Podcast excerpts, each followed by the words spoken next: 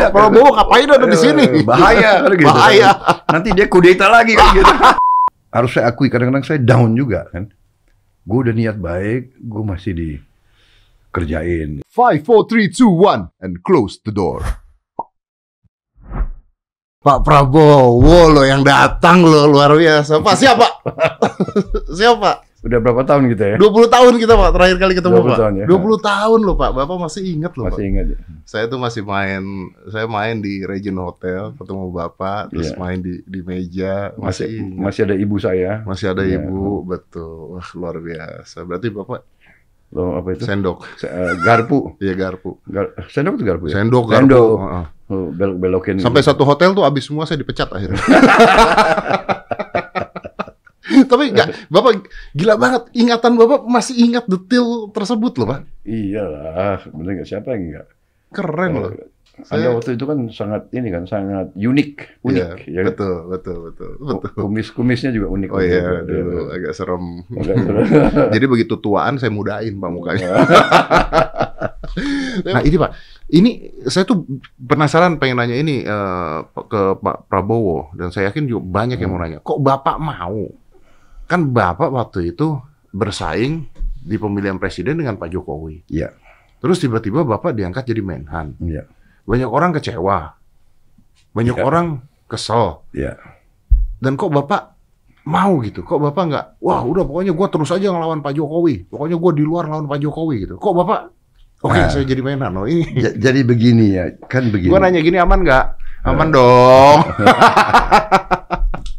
Jadi saya juga apa nggak nggak mengerti kok orang banyak yang yang bertanya seperti itu karena bagi saya ya begini eh rival kita rival rival dalam suatu eh, kompetisi Oke. ya kan apakah rival dalam suatu kompetisi itu harus jadi lawan coba kita ingat waktu kita di sekolah kita ikut Adu lari deh. adu lari. Ah. Ada yang menang, ada yang kalah. Oke, lo dapat piala. Hah, bener nggak? Iya benar. Gue main sepak bola, tim gue kalah. Ya udah. Apa kita gebuk-gebukan?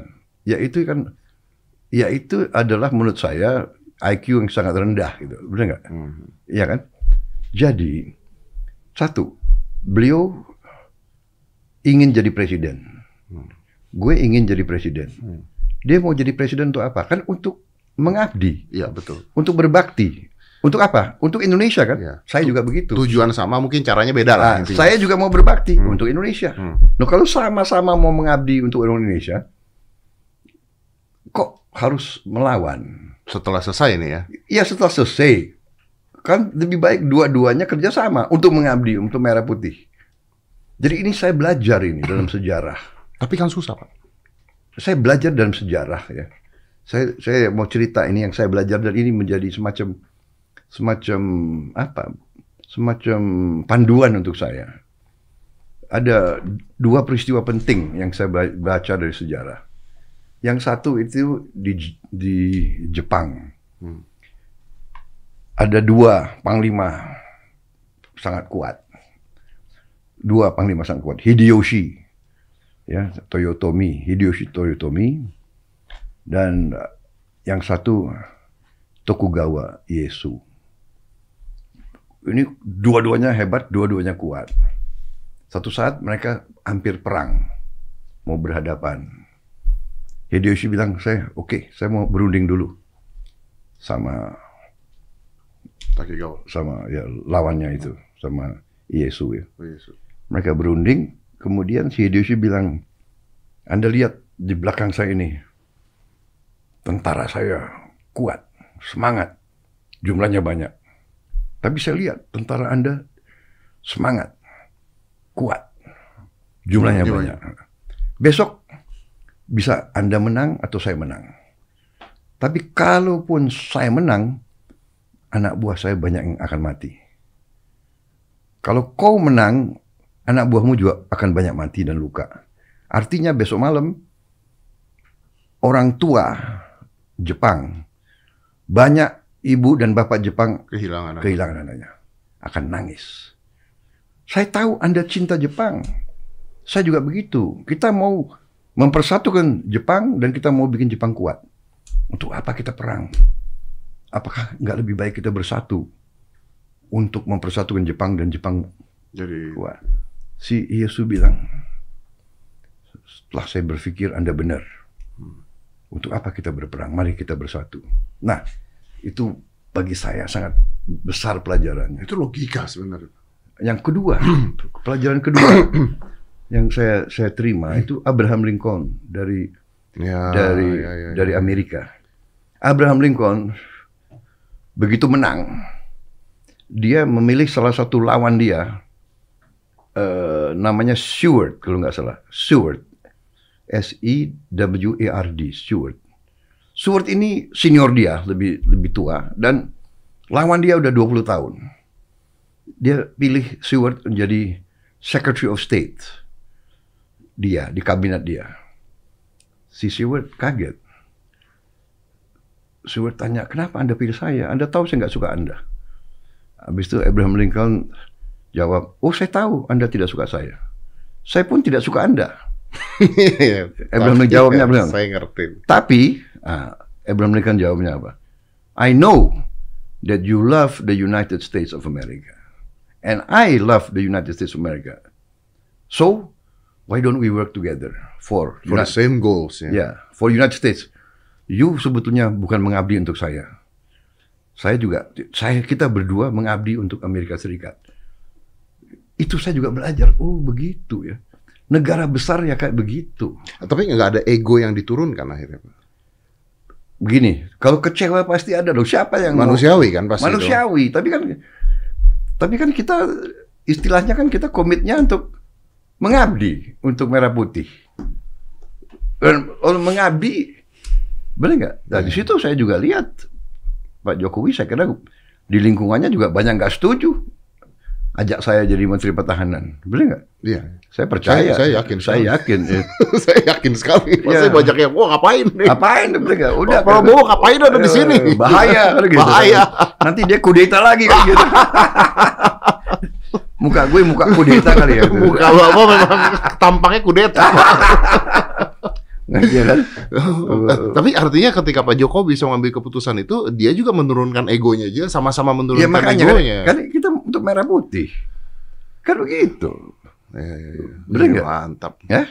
Keren, keren, keren. Iya jadi jadi di situ dan saya kira kita kasih pelajaran, benar nggak? Oke, saya ngerti dari sisi Hmm, Bapak. hmm. Saya ngerti. Hmm. And I'm salute with you. Uh, But that's logic, no? it is logic. Iya, it is iya. logic. Dan saya salut Dan dengan bayangkan ya kalau kalau pemimpin karena egonya. Berantem perang dan uh, untuk, hancur untuk, ya, untuk, untuk jabatan ya. Jabatan itu tanggung jawab loh. Iya, iya betul. benar nggak? Betul. iya kan? Saya salut sama Bapak nih. Tapi Hmm. masyarakat ada yang marah kan, Pak. Nah, ya kita harus berani untuk menjelaskan. Saya jelaskan ke pengikut-pengikut saya. Benar nggak? Sudahlah. Demi saya cerita kepada mereka. Di partai saya saya kumpulin. Karena kan yang banyak keras itu juga justru dari partai saya. Saya kumpulin dan saya ceritakan Hideyoshi saya ceritakan eh, juga Abraham Lincoln saya juga ceritakan Mao Zedong Mao Zedong pun juga begitu waktu begitu menang dia tahun 49 eh, Kuomintang kalah ya, ya. dia dia pilih salah satu di sana sistem dia ada beberapa wakil presiden ya. Salah satu wakil presiden yang dia pilih Lawannya. adalah jenderal dari Kuomintang. Si jenderal itu datang ke Mao Zedong. Anda kenapa milih saya? Saya kan pernah membunuh anak buahmu. Ribuan saya pernah bunuh. Mao Zedong bilang, jangan kita bicara masa lalu. Stop. Kita bangun Tiongkok yang baru. Hmm. We look to the future. Nah, Iya. ya itulah kebesaran kebesaran jiwa seperti itu akhirnya Tiongkok sekarang kayak apa? Wih, luar biasa. Bener nggak? Gila. Ya, bangkit kayak apa? Nah itu. Jadi kita selalu harus punya wisdom kearifan dan komitmen seperti itu. Ini tiga cerita itu saya pikir wah, saya juga begitu saya tidak mau. Kedua eh ya int- intinya itu. Benar, Ya. Saya yakin Pak Jokowi bekerja untuk merah putih. Oh, itu yang saya bilang ke beliau. Itu yang saya bilang ke beliau. Saya bilang, Pak, dua kali kan dia menang lawan saya. Saya bilang, Pak, saya yakin di dalam hatimu, di dalam hati Bapak, merah putih. Pancasila. Menurut Bapak sekarang gimana Pak Jokowi? Makanya, karena itu, saya bilang, saya yakin Bapak merah putih, Bapak Pancasila, karena itu saya mendukung Bapak. Luar Iya kan? Iya kan? Benar nggak? Tapi Karena justru we, karena we both love the Republic of Indonesia. Iya. yes. Tapi Bener justru kata-kata bapak ini maksudnya yang bikin saya salut sama bapak ya. eh, I salute you for two things. Of course for the fight, of course ya pada saat kepresidenan. Oh iya dong. Dan- kita, kita iya dong. Kita ya, berjuang. berjuang. Ya, Tapi yang saya salut kompetisi lagi, gitu. kompetisi. Tapi yang saya lebih salut lagi ketika tadi bapak bilang, ya udah kalau kalah tapi tujuannya untuk Indonesia, ya oke kita perang bareng. Jadi perang bareng itu Iya dong. it needs a courage to do that. It needs ego yang diturunkan, courage mental. Ah begini ya, Mas Jadi. Kalau memang kita, ya kan, kalau memang kita cinta tanah air, ya kan, kan nggak jadi masalah. Iya, iya, iya. Eh, Sekarang yang yang bikin Indonesia hebat kan apa harus pangkat tinggi? Uga siapa yang yang angkat keharuman nama bangsa Indonesia kan banyak.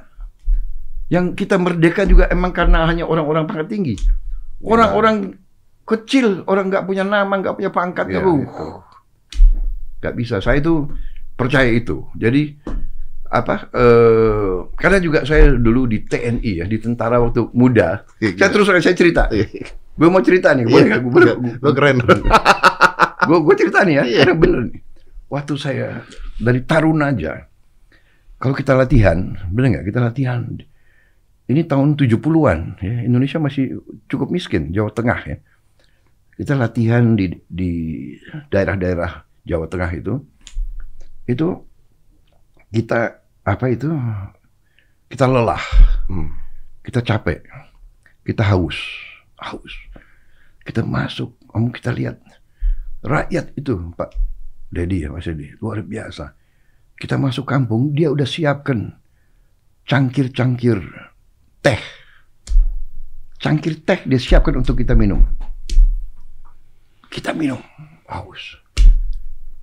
Tapi sadar nggak kita waktu itu untuk dia bikin secangkir teh Perjuangannya seperti apa? dia harus dia harus cari kayu Pak Dedi. Oh iya benar. Ya. Berapa berapa kilo dia harus jalan Iya. naik hutan cari kayu. Ya kan? Dia datang dengan berat kayu itu dia bawa. Dia harus ambil air. Nggak ada keran. Gak ada keran sampai sini. Nggak ada keran di ru- rumahnya rumah lantainya tanah. Gede. Nggak ada keran kan. Dia harus jalan berapa kilo, turun lembah ambil air. Baru dia masak, baru dia siapkan untuk kita. Bagaimana coba? Dan itulah rakyat kita. Itulah rakyat kita. Artinya, kalau rakyat yang begitu susah hidupnya, mereka kayaknya mencintai tanah airnya sehingga tentaranya dia mau dukung dengan jeripayah dia. Masa kita yang sudah dikasih pangkat, dikasih kehormatan, dikasih apa? Malah ribut ya. Wah, mau ribut juga. Itu aja. Iya, Wah, saya udah, saya bangga saya jadi Menteri Pertahanan, benar nggak? Iyalah. Bangga, benar nggak? Iya benar. Iya kan? Ya pasti. Iya iya benar. Jadi, Keren keren keren. keren, Hmm. keren. Ya Pak Prabowo, Eh, Pak, nih eh, saya terima kasih udah datang di sini. Luar biasa. It's a, an honor for me for you to come Thank because you, saya thank you. tahu Bapak sama ini tidak pernah mau ngomong di mana-mana, diam terus. Kenapa Pak? Kok diam terus gitu Pak? jadi memang eh, saya kan diangkat jadi Menteri Pertahanan kan. Betul. Nah, jadi pertahanan itu, Mas Dedi ya, adalah hal yang menyangkut eh, keselamatan negara, Ya. keselamatan bangsa. Kan? Pertahanan. Jadi unsur unsur unsur pertahanan itu sebetulnya rahasia, Oke. sangat rahasia, Sangat rahasia. sangat rahasia. Jadi suatu negara pasti ada yang tidak suka dengan negara itu. Oke. Ini intern apa eksternal Pak? Eksternal, Eksternal. iya. Lah iyalah, Oke. benar nggak? Ini adalah sifat manusia, ya kan? Bahwa manusia itu selalu akan merebut sumber daya, Iya iya iya. iya. merebut eh, kekayaan untuk survive, untuk hidup. Untuk survive. Iya kan? Nah, bangsa-bangsa, suku-suku, kelompok-kelompok dan akhirnya juga bangsa-bangsa itu ya pasti Mau merebut. merebut. menjajah. Ini saya saya sangat setuju karena saya tuh gini Pak, saya tuh takut kalau aliens datang Pak. Aliens, eh aliens Nah, kalau datang Pak, kalau datang nggak ya, mungkin kami impis Pak. Makanan nih. eh, makanan manusia itu kan kita nih memang itulah sifat manusia. Saya saya Itu setuju. sudah sifat manusia. Iya iya iya. Nah, jadi di situlah yang masalah pertahanan ini masalah yang sangat sensitif. Jadi saya itu sebetulnya enggan bicara, tapi uh, kita kan hidup di alam demokrasi. Rakyat ingin tahu, Hmm. ingin tahu kondisinya, ingin tahu masa depannya, ingin tahu keselamatannya, kan begitu. Rakyat punya hak untuk tahu. Betul betul. Nah, dilema di satu pihak kita harus rahasia, di lain pihak rakyat ingin tahu. Nah, ini rawan karena ada kelompok-kelompok kadang-kadang yang punya ambisi pribadi, ada kelompok-kelompok yang kadang-kadang dia tega untuk mengorbankan kepentingan bangsa rakyat, kepentingan yang besar, tega bahkan ada ada rakyat kita atau sebagian ya oknum yang mau menjual bangsanya kepada bangsa asing. Hmm. Ini sejarah kita loh, Hmm, Pak hmm, Dedi. hmm, hmm, hmm, hmm. Jadi kita kadang-kadang eh, itulah dilema. Nah, dalam kondisi ini masalah pertahanan itu jadi sesuatu yang eh, katakanlah berapa hari ini ya berapa minggu ini kayaknya heboh. heboh Heboh. heboh, ya kan benar nggak heboh Saya jadi ikutin. Iya kan? Iya. Heboh. Oke. Nah, masalahnya kan ada yang mengatakan, oh, eh, Prabowo ingin bikin anggaran 1.700 triliun. Ini ini maaf Pak, saya potong boleh Pak ya? Boleh, Saya boleh. potong. 1.700 triliun tuh kecil loh Pak. Ah, justru itu kan? Buat Ya, saya Pak ya. kan begini, begini, begini. Ah. Jadi, dibikin heboh gini 1.700 triliun. Itu pun belum belum disetujui. Masih di, masih digodok, masih benar nggak? Iya. Ya, kan ini kan bernegara itu tidak tidak gampang kan. Bernegara itu ada prosesnya, ada prosedurnya, ada sistemnya, ya kan? Ada tata cara, tata kelola. Jadi kita teknis, pihak yang teknis, menteri itu, men- menteri, saya di bidang pertahanan, saya diwajibkan menyusun rencana pertahanan. Hmm, hmm. Nah, anggarannya berapa saya ajukan. Benar nggak? Betul. Presiden Setuju apa enggak, Setuju gitu. atau enggak? Tapi presiden pasti bisa bis- pasti minta saran bagaimana Menteri Keuangan. Ya, ya. Bagaimana- oh, baga- ya, saya ngerti maksudnya nggak nggak bisa dari Pak Prabowo sendiri tiba-tiba langsung keluar duitnya nggak kan. ada itu. Bagaimana Menteri Bapenas? Aha. Perencanaan nasional bagaimana? Kan begitu. Iya. Nanti ditanya lagi menteri-menteri lain, kan begitu. Ya, masalahnya gini Pak, kalau Ya, 1.700 jadi, triliun. Itu itu belum belum disetujui. Belum disetujui. Masih ya, ya. Nah, kalau 1.700 triliun itu Pak buat Indonesia itu kan 25 tahun rencananya Pak. rencananya 25 tahun. Amerika itu bukannya 10.000 triliun setahun. Wah, mereka 600 miliar dolar setahun. Artinya Pak. Setahun. Setahun. Iya. Berapa itu? 600 miliar dolar. Sekitar itu? 10.000 triliun Pak. Eh, Artinya kalau Setahun. Hmm. setahun. Artinya kalau kita perang sama mereka nggak akan menang juga. Eh, tapi begini, begini. begini, begini. iya iya. Coba gimana Ya, begini, begini ya. Kalau kita kan tidak niat untuk invasi siapa pun. Ah, Bangsa Indonesia tidak ada niat untuk invasi keluar. ah. Itu yang saya tegaskan di mana-mana dan Oke. itu sebetulnya yang disukai oleh tetangga-tetangga kita. Ya. Indonesia tradisi kita dan doktrin kita, wawasan pertahanan kita adalah Menjaga. defensif. Nah, Defensif. oke. Kita akan membela diri kalau kita diserang. Oke. Kita akan mempertahankan kemerdekaan Ah. kalau kita mau dijajah kembali. Gimana Tapi kita tidak mau menjajah? menjajah dan Gimana, menyerang. gimana caranya Pak? Mau bela diri Hmm. kalau alat-alat kita ketinggalan sama Amerika. Kalau dijajah ya kita selesai Pak. Tetap. Ya dong. Begini, kita punya suatu senjata yang ampuh. Apa itu Pak? Senjata itu adalah perlawanan rakyat. Senjata kita adalah perang rakyat semesta. Jadi sebetulnya pertahanan Indonesia adalah pertahanan seluruh rakyat Indonesia. Itu yang buka, bikin kapok Iya iya kayak Bangsa-bangsa zaman penjajahan dulu itu ya. Iya, jadi di situ yang mereka mereka hitung kita. Jadi di situ yang mereka hitung. Ya bambu runcing lah apa katapult kalau perlu panah sumpit ya Batu, itu batu deh. batu batu deh Iya benar ya benar. Nekat gitu mah ya. Oh, itu itu sebetulnya dan Berarti rasa kebangsaan kita masih luar biasa ya pasti ya, Pak. sebetulnya dan sebetulnya begini Pak, kita lihat dalam, dalam banyak contoh dalam perang Vietnam Nah. Eh, Ya. perang Vietnam, Amerika juga nggak menang. makanya Iya, iya bener Makanya. juga. Iya bener. benar nggak Iya bener. Hah? Vietnam Menang cuma di film. ya kalau kita nonton Rambo ya mereka menang kali Iya, kalau nonton Remo mereka menang. Vietnam. Kita lihat lagi eh di di yang terakhir ini di Afghanistan. Afghanistan, ya. habis itu di Irak. Ya kan kita lihat di mana-mana. Jadi kita juga tidak boleh eh, rendah diri. Ah, ah. tidak. Nah tapi benar Mas Dedi kita tidak bisa santai. Nah ini ada beberapa Oknum. oknum elit ya terutama yang menurut saya saya nggak ngerti mungkin kurang apa ya? Kurang kurang kurang baca kurang cerdas atau apa? Asupan protein. kurang protein ya? Enggak kelebihan kali gue gue heran juga tuh. Bener nggak? Ada yang bilang bener nggak gua nggak ngerti. ada ada yang bilang gitu dan meyakinkan pimpinan bahwa Indonesia dalam 40 tahun akan datang tidak akan ada perang. Eh, Belum Iya kan? tentu. Ya makanya, bener nggak?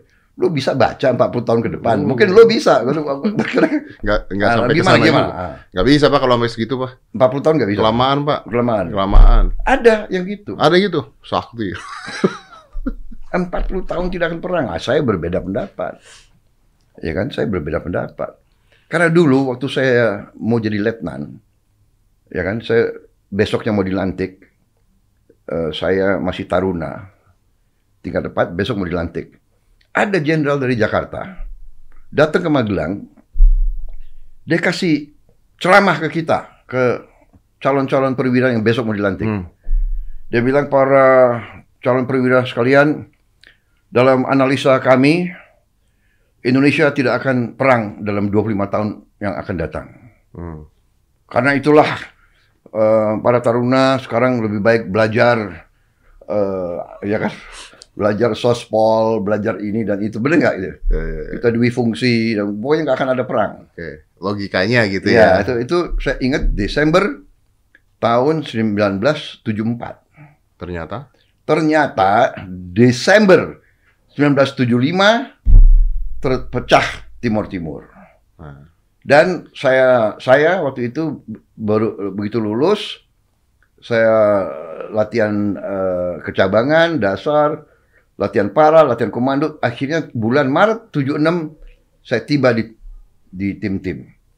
Kemudian masuk kita saya lihat terjadi reuni Mas Dedi. Reuni sekian angkatan kita kumpul semua ya di tim-tim. Berarti kan perangnya besar itu. Ya betul betul. Benar nggak?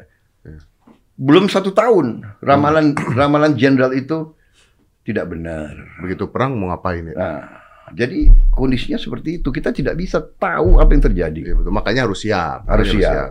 Tapi kan sebenarnya yang yang yang bergulir ini kan karena eh, alusista ini dianggap katanya ada korupsi, ada mafia, ada macam-macam, ada Mr. M, Mr.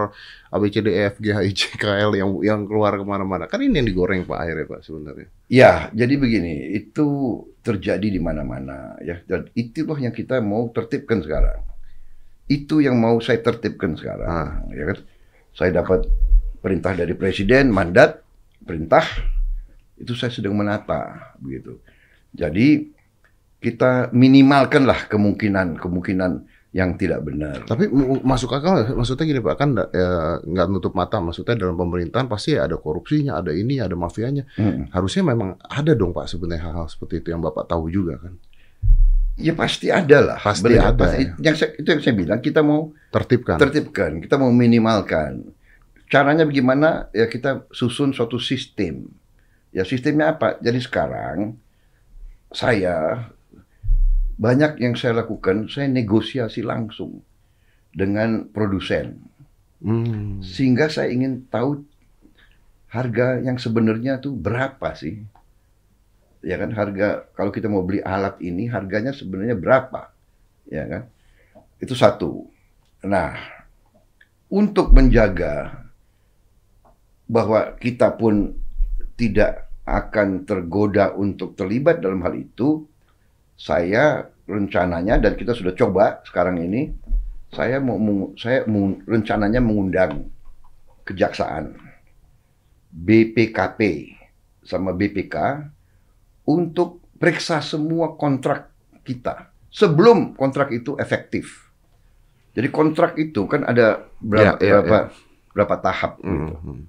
Jadi ada kontrak awal, habis itu ada kondisi-kondisi yang harus dipenuhi, Hmm. ya kan kondisi keuangan, kondisi ini, kondisi sampai ujungnya kalau kontrak itu efektif. Nah, dalam ini dalam perjalanan ini saya akan minta kejaksaan BPKP dan BPK Artinya Pak Prabowo juga tidak menutup mata ya bahwa dan juga tidak men- mengatakan tidak bahwa hal tersebut bisa saja terjadi ya. bisa terjadi. Bisa terjadi. Pasti dong.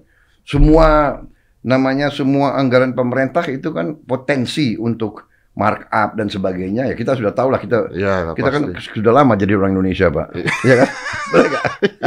iya kan Iya benar. sudah lama jadi orang Indonesia Iya. kan gitu Iya biasa itu. Iya, benar nggak? benar. Nah, jadi iya kan Benar benar benar. iya kan Gak usah munafik lah ya. nggak usah munafik Nggak usah munafik, iya, benar. yang yang penting bagi saya kalau yang sudah gila-gilaan Ya. ya kan barang katakanlah X harganya kemudian markupnya sampai 600 persen. Wah itu itu yang harus dihabiskan. itu benar nggak? Udah. saya saya bilang maaf banyak orang mungkin banyak orang tidak suka sama saya. Saya nggak mau tanda tangan.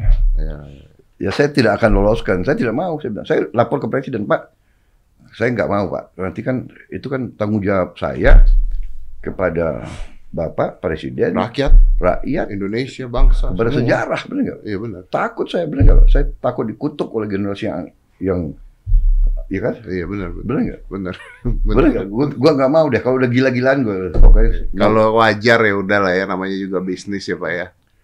Ya dong. Iya si si siapa si produsen dan dia punya agen ya dia harus ada Harus ada untung ada dong. untung tapi, Ya. tapi untungnya masuk akal Tapi jangan nipu lah Nah, intinya. jangan gila-gilaan Iya, iya, nggak? benar-benar. Iya kan Pak ini tuh sebenarnya yang ribut-ribut kemarin misalnya 1,7 triliun dan sebagainya itu sebenarnya permintaan Pak Prabowo atau permintaan Pak Jokowi sih untuk masalah memperbarui alat-alat ini Pak? oh jadi begini jadi begini waktu saya baru dilantik kemudian kurang lebih ya 10 hari lah sesudah dua minggu sesudah dilantik saya kebetulan di di istana.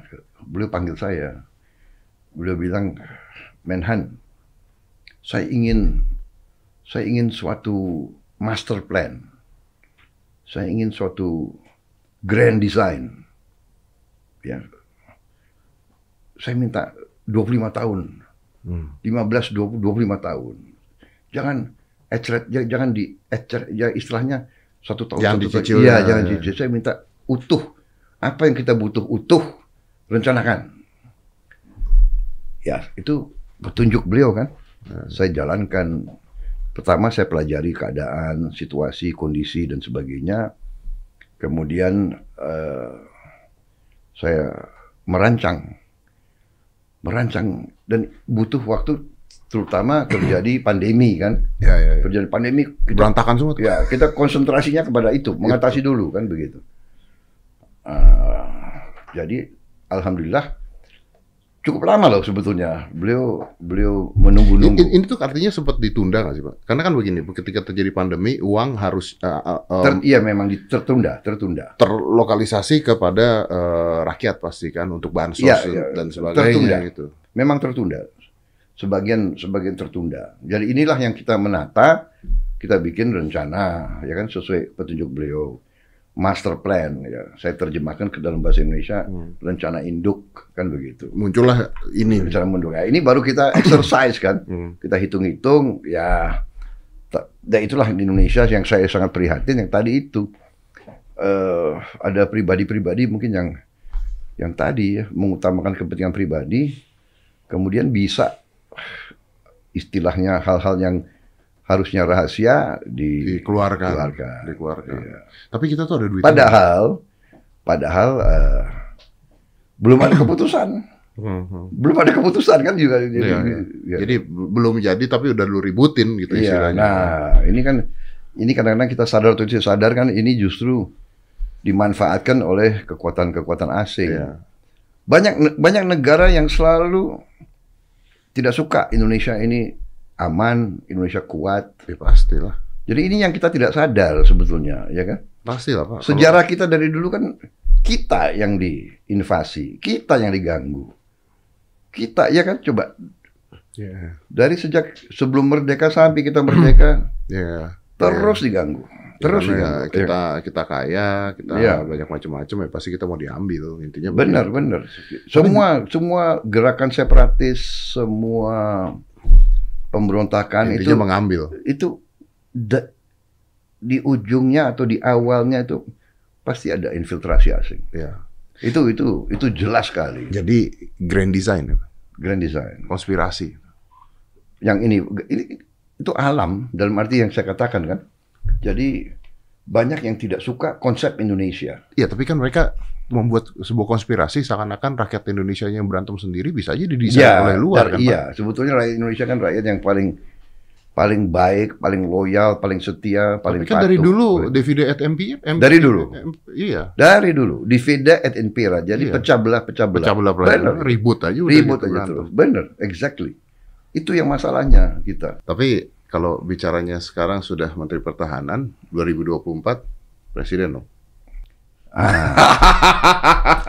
Sambil minum. Eh gini gini. Justru mungkin ya gue ke sini gue mau tanya lo. gue gue mau tanya lo.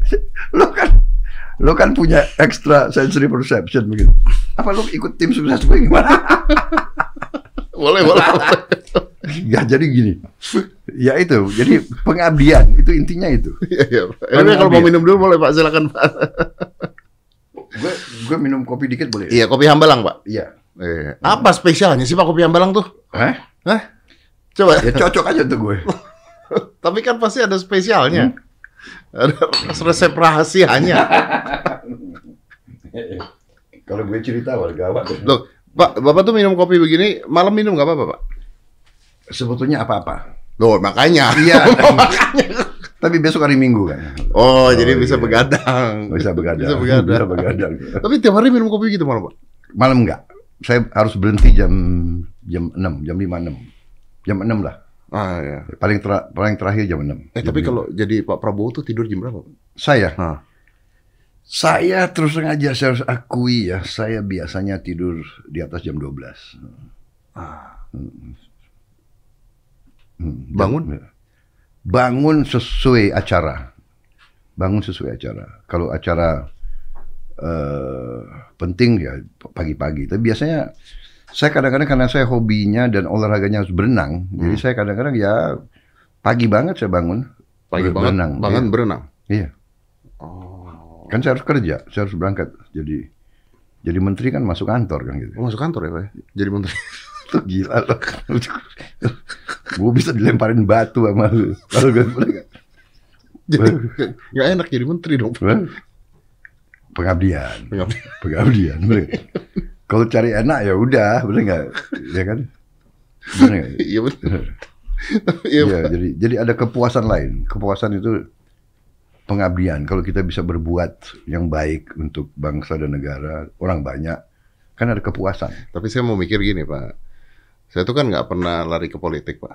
Hmm. Dari dulu belum pernah, Hmm. belum pernah lari ke politik. Yang nawarin Sebaiknya sebaiknya jangan. ya. Ini gue Gue belum apa-apa ditolak dong. Tadi ngajakin, sekarang udah baiknya jangan. Gue belum ngajakin kan sebagai Oh iya, iya ini iya, konsultan. beda konsultan. Iya, iya, betul. betul.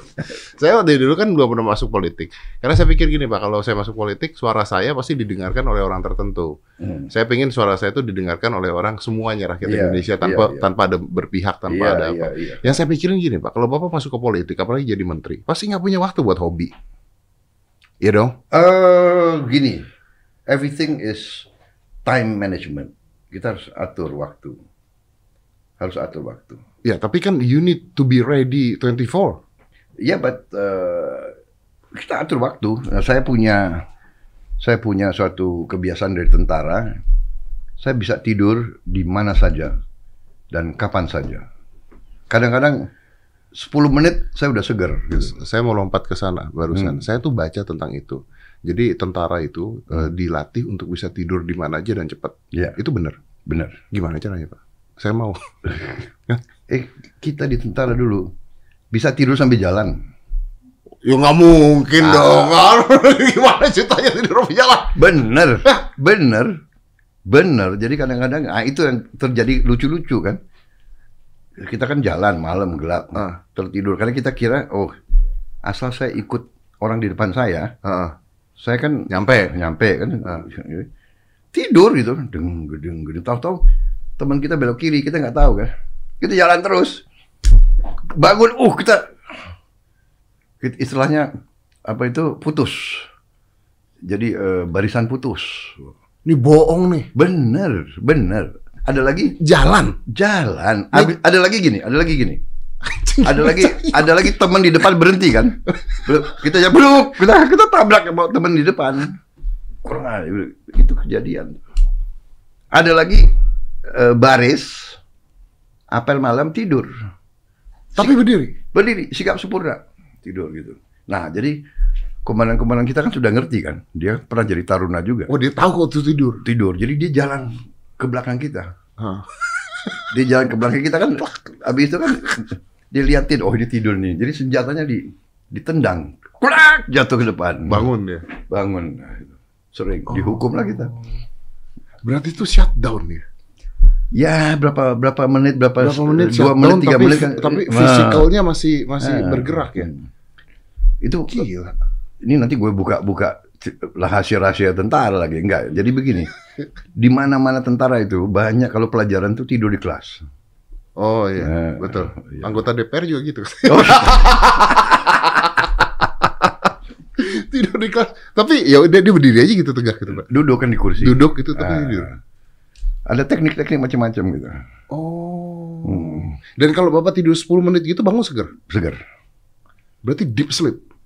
nggak tahu deh pokoknya gue agak seger deh agak seger 10 menit 15 menit bagi gue gue seger Wih, gila. dan aku tidur di di mobil aku suka tidur di mobil Ya karena perjalanan jauh. saya suka tidur di mobil So, jadi ah, saya berani taruhan ah. Bapak di mobil lebih cepat tidur daripada di rumah kan? Iya nggak?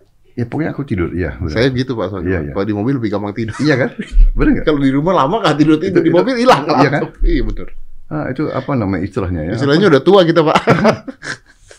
efektif efektif. Tapi waktu berkelu- waktu keluarganya akhirnya berkurang loh Pak. ya itu sudah Resiko. resiko Resiko. resiko Apalagi Anda jadi presiden 2024. ya itu nantilah kita lihat bagaimana ya kan Tapi masih mau dong Pak.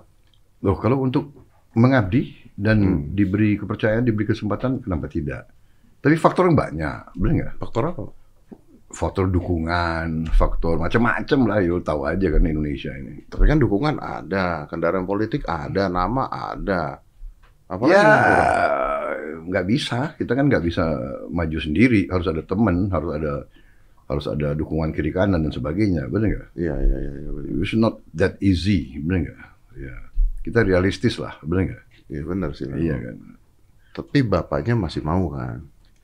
saya kira semua orang yang cinta tanah air kalau diberi kesempatan untuk mengabdi ya pasti pasti mau dong pasti harus dan banyak kader-kader juga banyak ya kan nanti kan rakyat yang akan Nah bapak setujunya gimana tuh, pak? Kalau misalnya 2024 nih pak, bapak setujunya cuma dua kadernya atau banyak sekalian pak?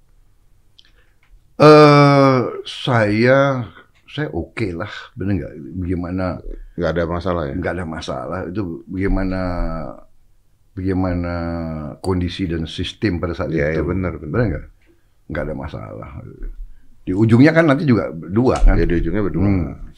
lebih efisien sih kalau dua pasang sih ya kan Langsung ya. langsung ya.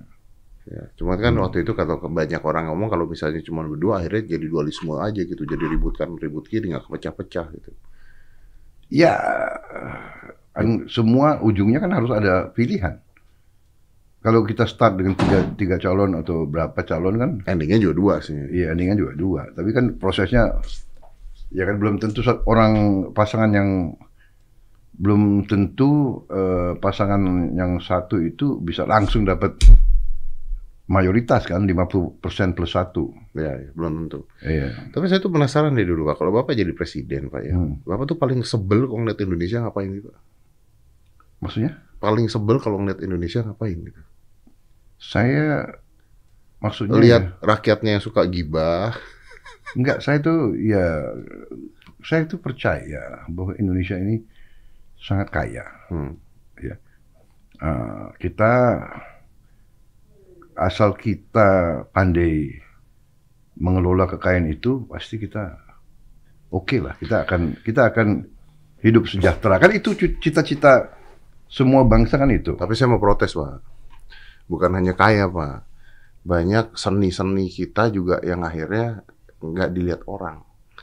Maksudnya kayak gini, banyak orang-orang hebat atau seniman-seniman nih Pak ya, nggak di- saya menang dunia, saya juara dunia dua kali Pak betul-betul. Orang nggak peduli di sini karena pemerintah kita juga tidak mendukung hal tersebut gitu Pak. Nggak ada exposure tentang itu. Hmm. Korea Selatan Pak, BTS Pak, Hmm. jualan McD bro, penuh kan dia punya boy band aja bisa jadikan kendaraan Iya, politik loh Pak. iya iya itu kan gila-gilaan gitu iya iya iya iya kita masih nggak nggak tahu ya apa kita nggak bisa gitu ya. Maksudnya budaya kita juga nggak nggak bisa sampai ke luar negeri itu kurang banget gitu pak. Saya juga agak setuju dengan itu ya. Kadang-kadang prestasi kita kita kurang kita kurang apa ya kurang kurang, kurang dihargai kurang gitu. dihargai iya. kurang dihargai.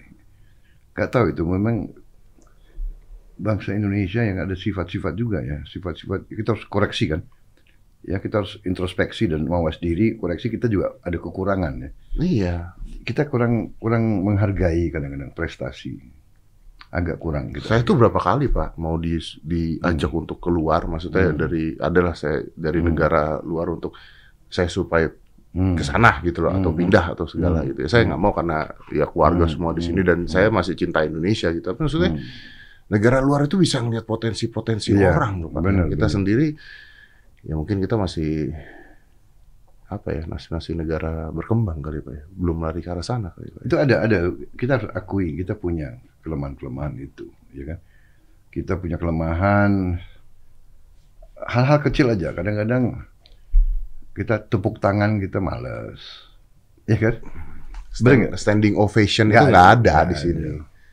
Tepuk tangan tepuk tangan males itu benar nggak Kawinan Meng- meng- menghormati orang kan kita ya. Betul. Makanya MC di Indonesia itu satu-satunya di Indonesia Hmm. MC minta tepuk tangan tuh satu-satunya. Eh, Mari kita berikan tepuk tangan pada Iya, itu iya. diminta. Oh di luar Iya. negeri nggak begitu. ya kan kita itu hal-hal kecil itu tepuk tangan males benar nggak ya kemudian ya kalau ada kawan sendiri yang berprestasi ya kan Sirik pak.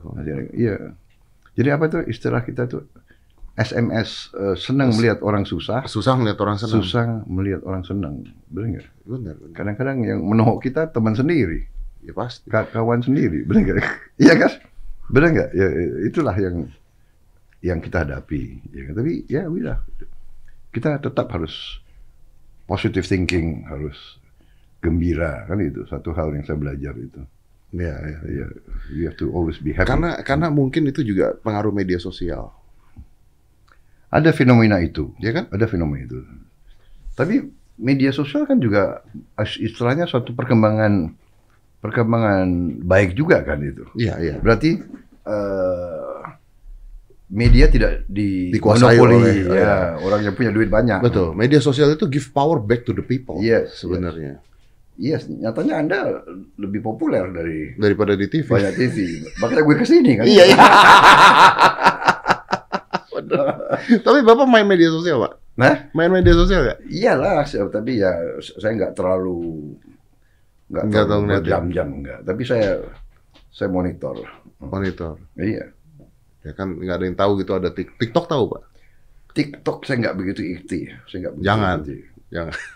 Nggak usah. Coba lu jelaskan apa sih TikTok. Jangan nanti Bapak joget-joget di TikTok. ya kan. Tapi yang gila ya kalau bicara media sosial di Cina itu media sosial dikontrol negara kan. Apa benar bisa dikontrol ya? Hmm? Investasinya besar. Iya kan? Iya. Berapa ratus ribu orang ya kan? Iya, iya, yang harus digaji. Benar nggak? Iya, sulit sih memang, Pak. Benar nggak? Benar. Iya, benar. Sulit. Hmm. Pak, kalau eh, jadi presiden nih Pak 2024. Lu ngomong presiden dulu. Ya kan gue pengen kalau ya, ya. misalnya Hmm. abis diwawancara jadi presiden seenggaknya gue punya podcast bareng.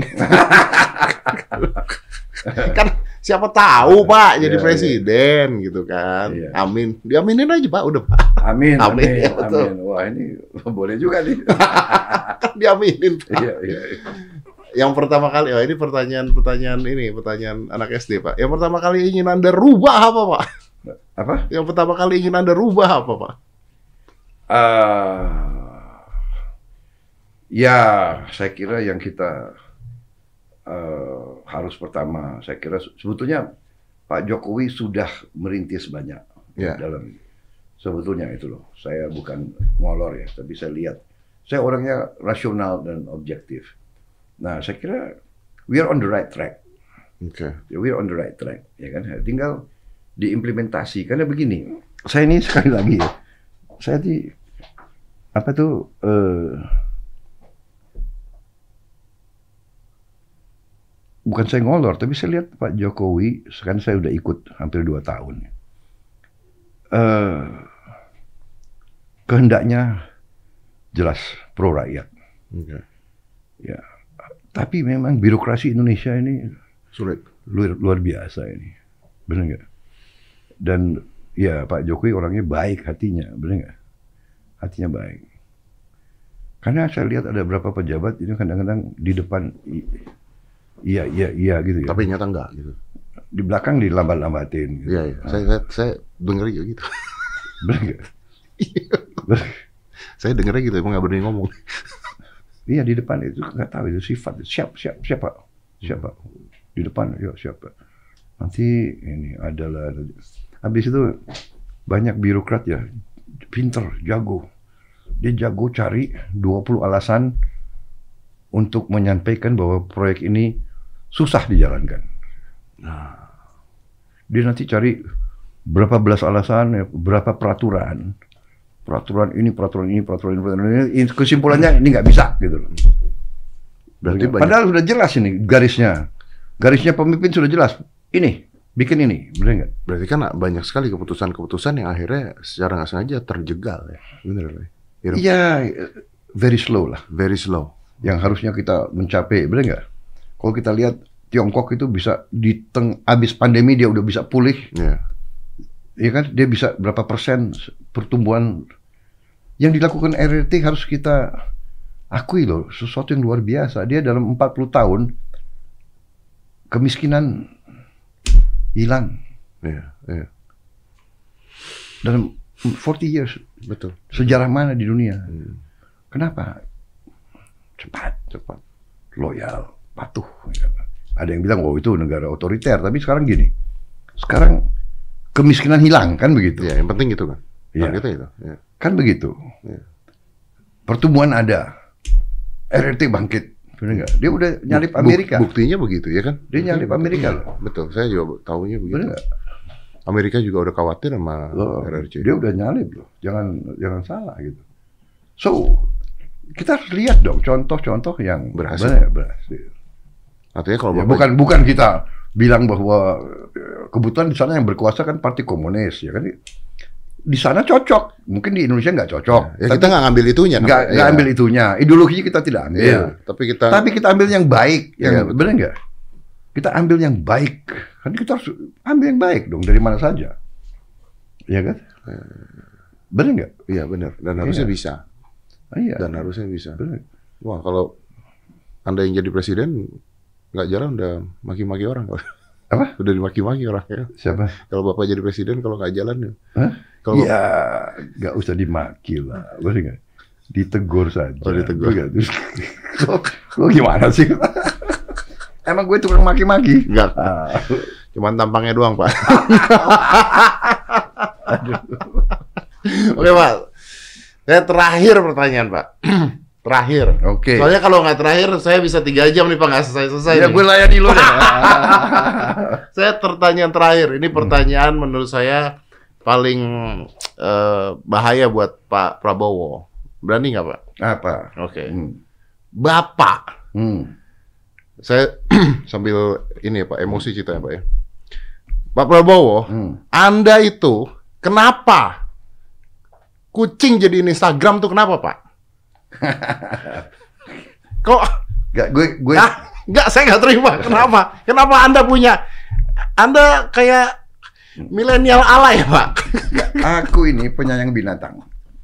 Saya penyayang binatang. Saya tuh bukan hanya punya kucing loh. Saya punya macam-macam gitu, ya kan?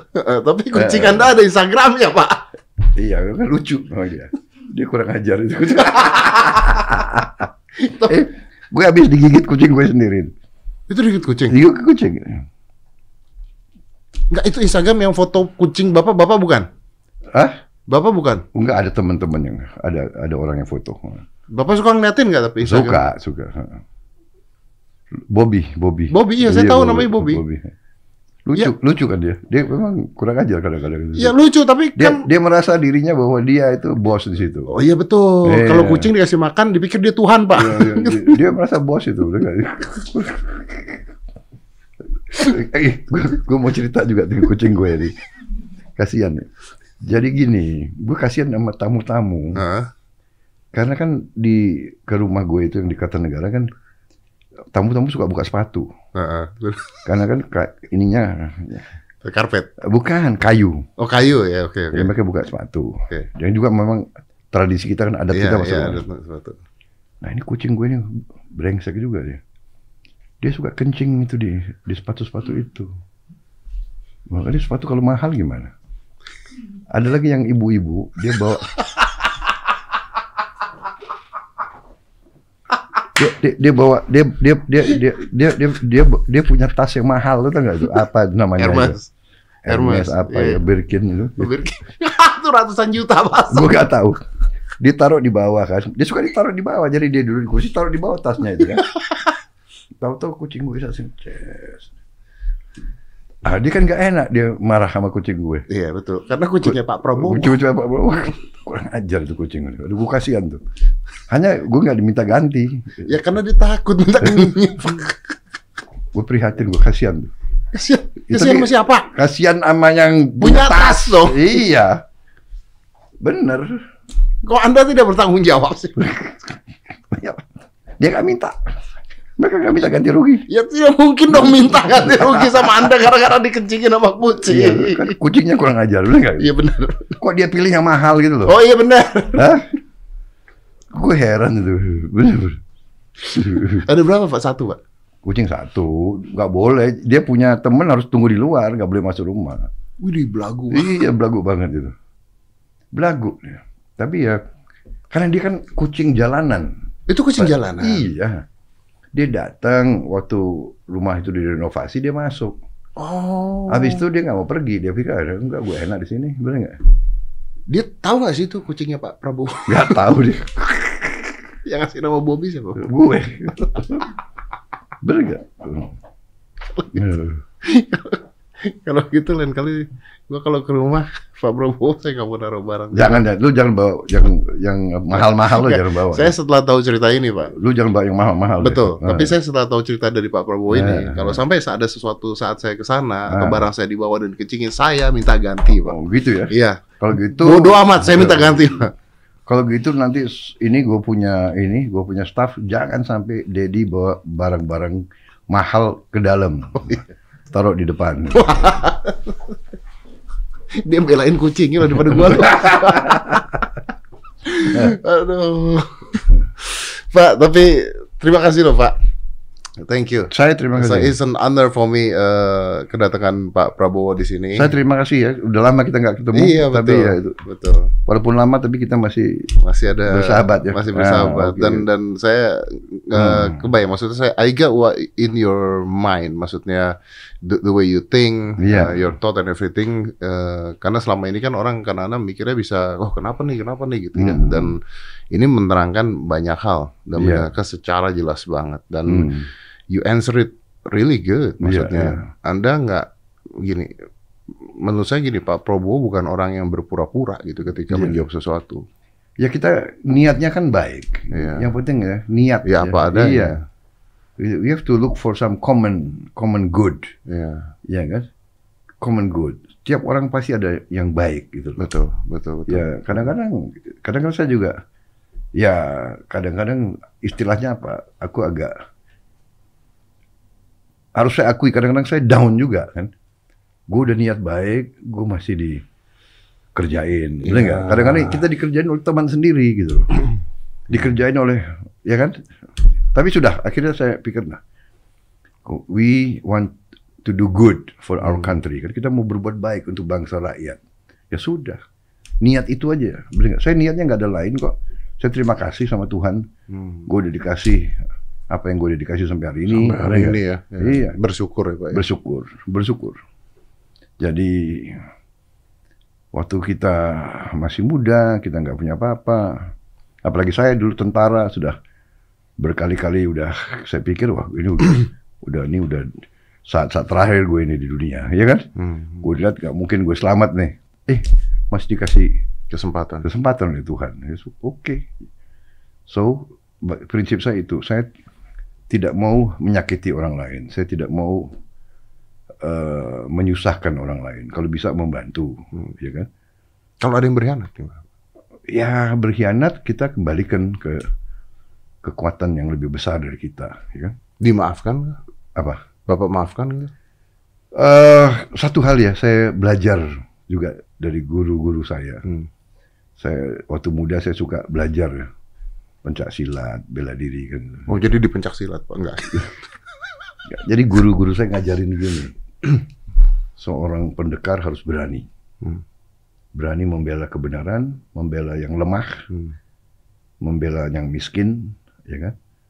Berani membela yang lemah, yang miskin, membela keluargamu, membela negaramu. Hmm. Tapi kamu tidak boleh sekali-sekali punya dendam. Hmm. Dan tidak boleh sekali-sekali benci. That's very, very important. No hate and no revenge. Ya sudah, benar nggak? Kadang-kadang ya berat, ya, tapi sudah. Is, kita harus itu. Jadi Berat itu. eh, nggak boleh benci, nggak boleh dendam. Tapi saya yakin, Kadang-kadang ya kecewa. ya ya. Hmm. Tapi sih saya masih yakin Pak bahwa ibu-ibu yang tasnya itu masih dendam sama Pak Prabowo sih Pak. gue kasihan. Banyak gue, gue kan gak ngerti. Mungkin Anda tidak dendam, tapi dia dendam pada Anda Pak. Pak Prabowo terima kasih banyak ya Pak ya. Thank you, sir. Sampai ketemu Thank lagi you, Pak. sir. Thank you. Thank you very much Pak. Merdeka. Merdeka. Let's close this. 5, 4, 3, 2, 1 and close the door.